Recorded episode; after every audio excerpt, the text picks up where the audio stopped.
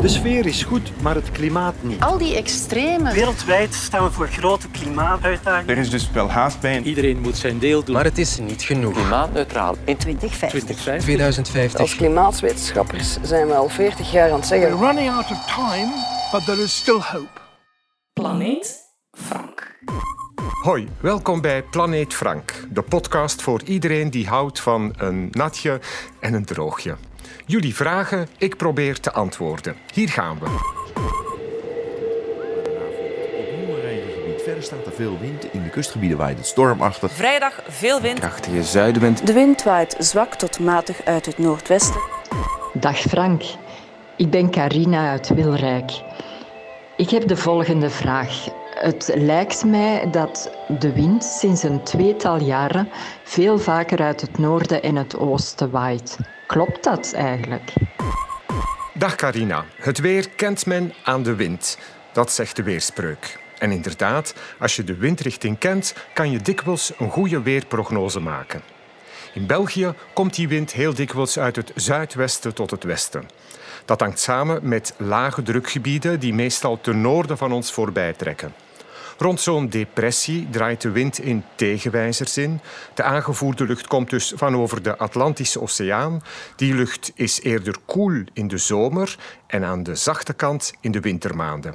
Vandaar ons gematigd zeeklimaat. Met gemiddeld gesproken geen al te grote temperatuurverschillen tussen zomer en winter.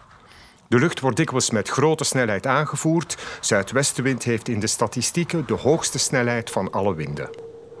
Als een hoge drukgebied opduikt boven de Britse eilanden of boven Scandinavië, verandert de windrichting helemaal.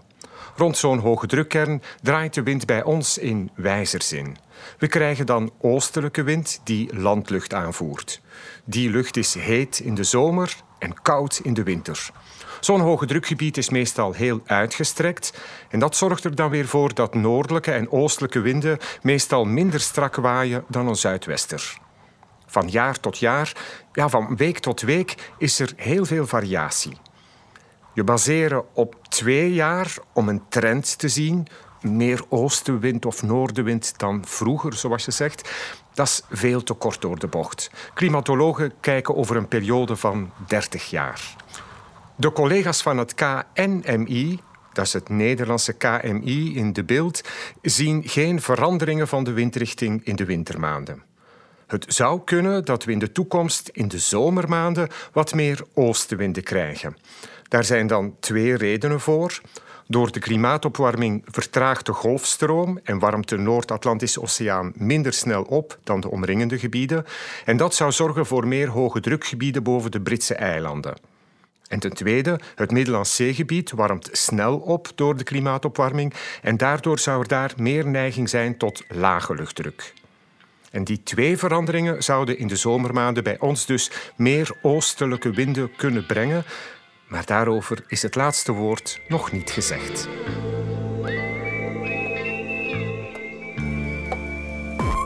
More than 10 gigatons of CO2 need to be removed from the atmosphere every year. Wat er uh, wetenschappelijk en technologisch gebeurt vandaag is ongelooflijk. Technologie zal ons helpen. Radicaal inzetten op die nieuwe technologieën. Ik denk dat technologie ons kan helpen, ons zelfs zal moeten helpen. We call this new way carbon farming.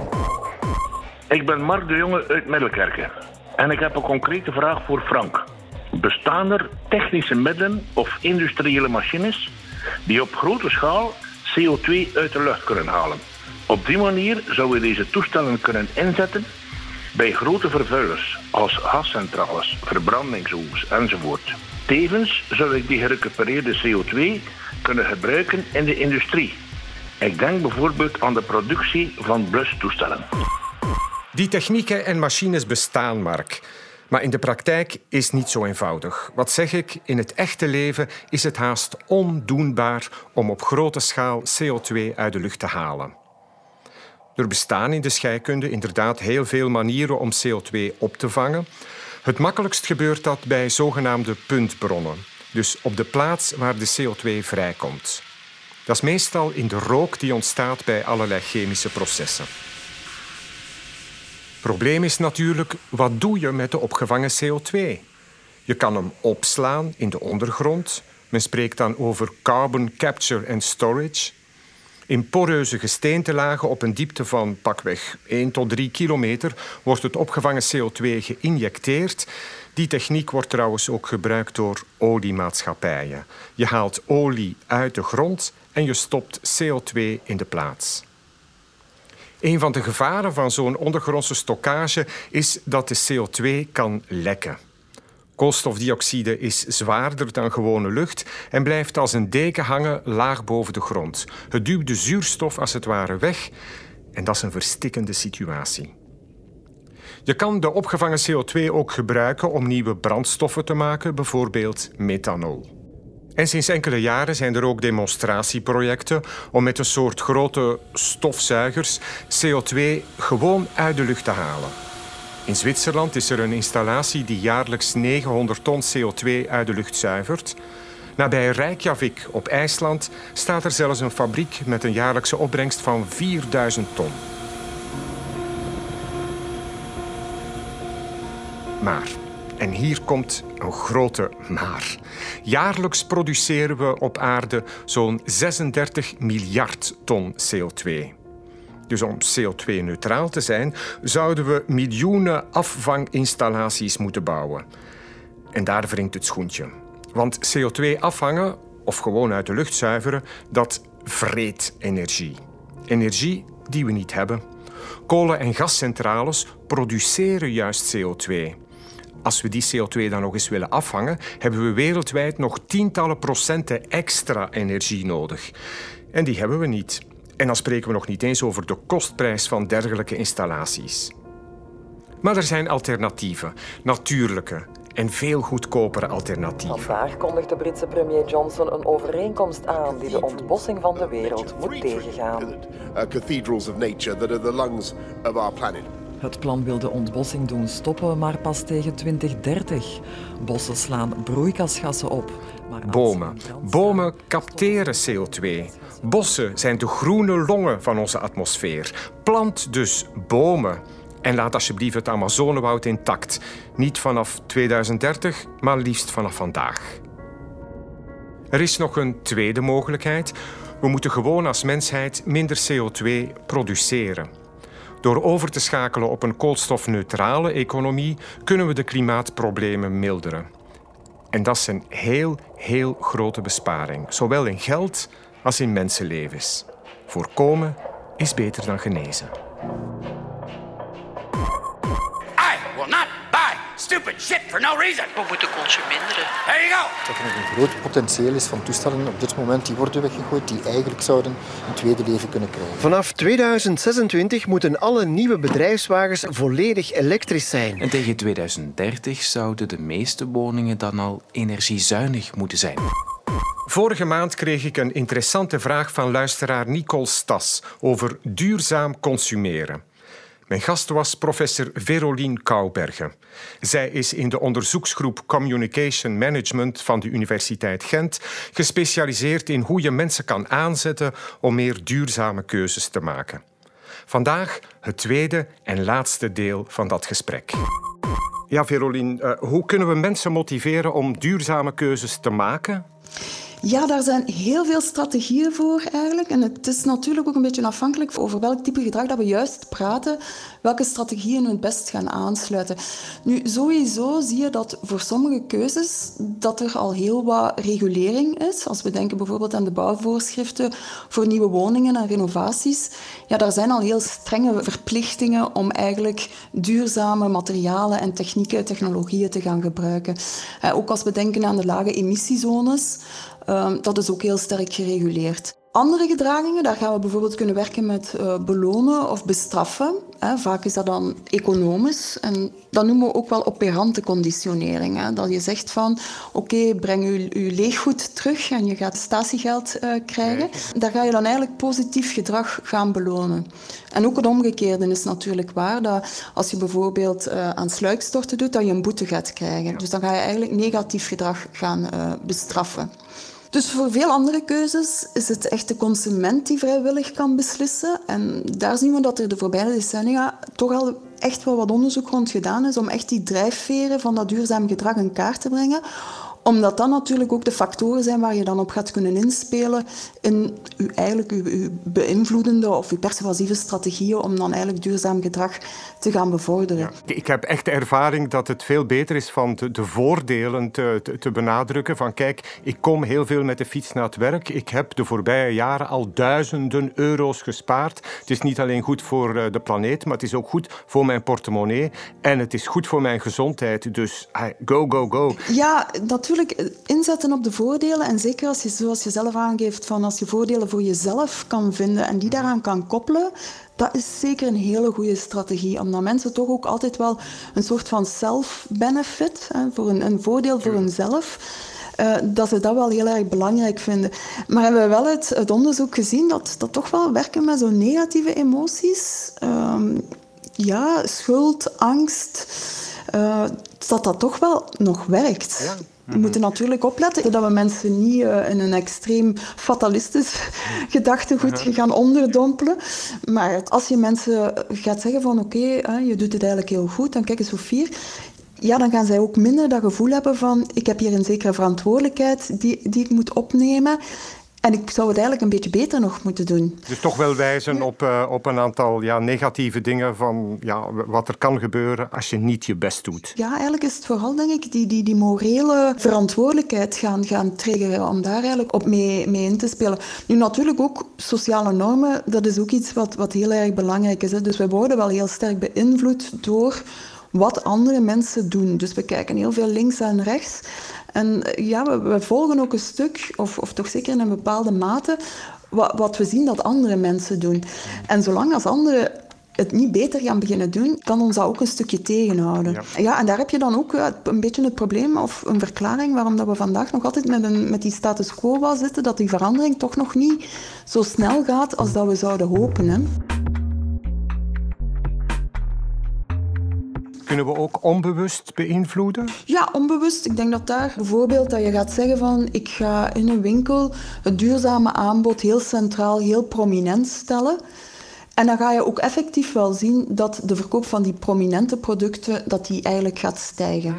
Dus mensen gaan dan eigenlijk, doordat er iets verandert in de omgeving, gaan ze hun gedrag eigenlijk automatisch aanpassen. Daar komt nu ook wel wat kritiek op. Hè. Dat was even heel uh, populair en heel uh, in, ja. om het zo te zeggen. Ze gaan dan niet eigenlijk um, op een bewuste manier dan een keuze uh, gaan maken.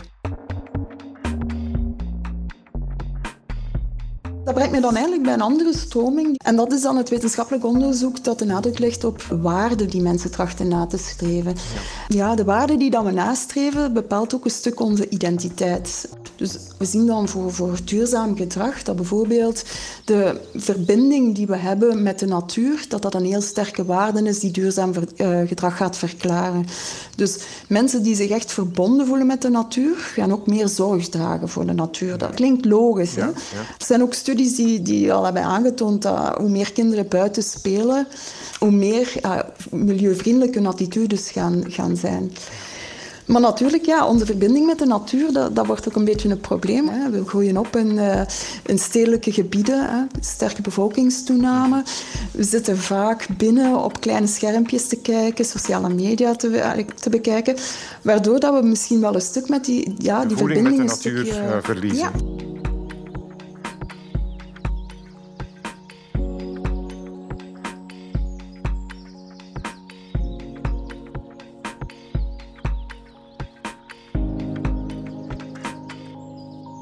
Verorine, een, een, laatste vraag.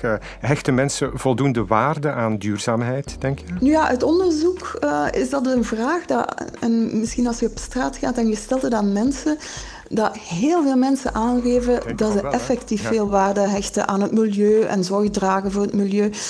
Toch zien we dat hun gedrag niet consistent is. Nu, wat we in onderzoek ook wel zien, het feit dat daar een gap ook wel zit, is dat mensen eigenlijk onderschatten hoeveel waarde andere mensen hechten aan duurzaamheid. Dus als je het vraagt aan, aan mensen, zegt iedereen ja, is echt belangrijk, is, is, is heel voornaam, we moeten duurzaam zijn en, en zorg dragen. Maar mensen denken vooral dat zij zelf dat heel belangrijk vinden, maar de anderen niet. Ja, ja. En natuurlijk, omdat sociale normen een belangrijke invloed hebben op ons gedrag, ja, gaan wij ons eigen gedrag eigenlijk een stuk ook gaan aanpassen aan de norm. En dan gaan we eigenlijk ons eigen gedrag wat minder duurzaam of gaan we daar minder voor uitkomen. Ja.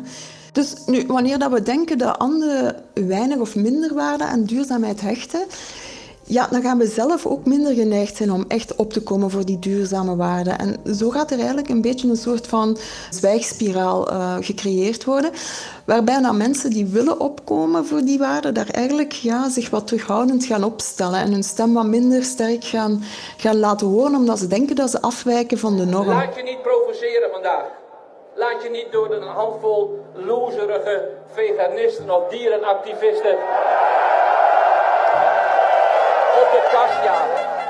En natuurlijk, ja, de stereotype beelden van, van de klimaatactivisten uit het verleden, ja, die dragen daar ook niet erg toe bij. Het is niet dat we ons zo willen associëren met het beeld van hè, de asociale of een beetje bedweterige of arrogante milieuactivist, zoals dat we een, een studie al wel, wel gezien hebben.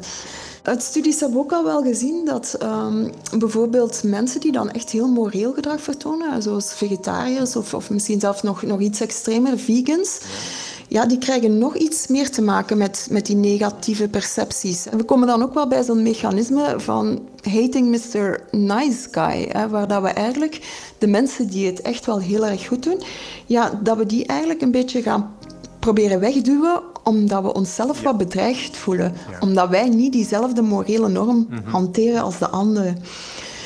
Dus nu, we zien wel dat die stereotype beelden vandaag al wel aan het veranderen zijn. Zeker als je bijvoorbeeld denkt aan de populariteit van uh, Youth for Climate, uh, die duizenden jongeren op straat heeft gebracht en de vele protestacties.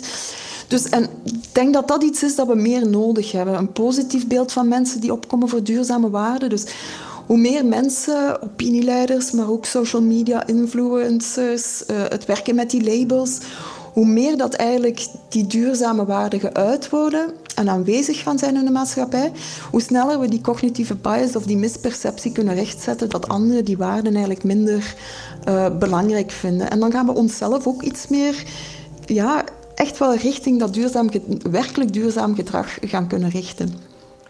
Bedankt, Verolien. Ik, ik heb heel veel bijgeleerd yes. en ik denk uh, ja, de, de mensen die de podcast beluisteren ook. Dat was de 18e Planeet Frank.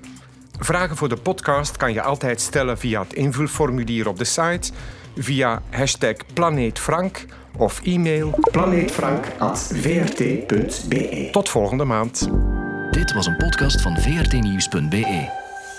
Meer op de podcastpagina van vrtnieuws.be of via de podcast-app op je smartphone.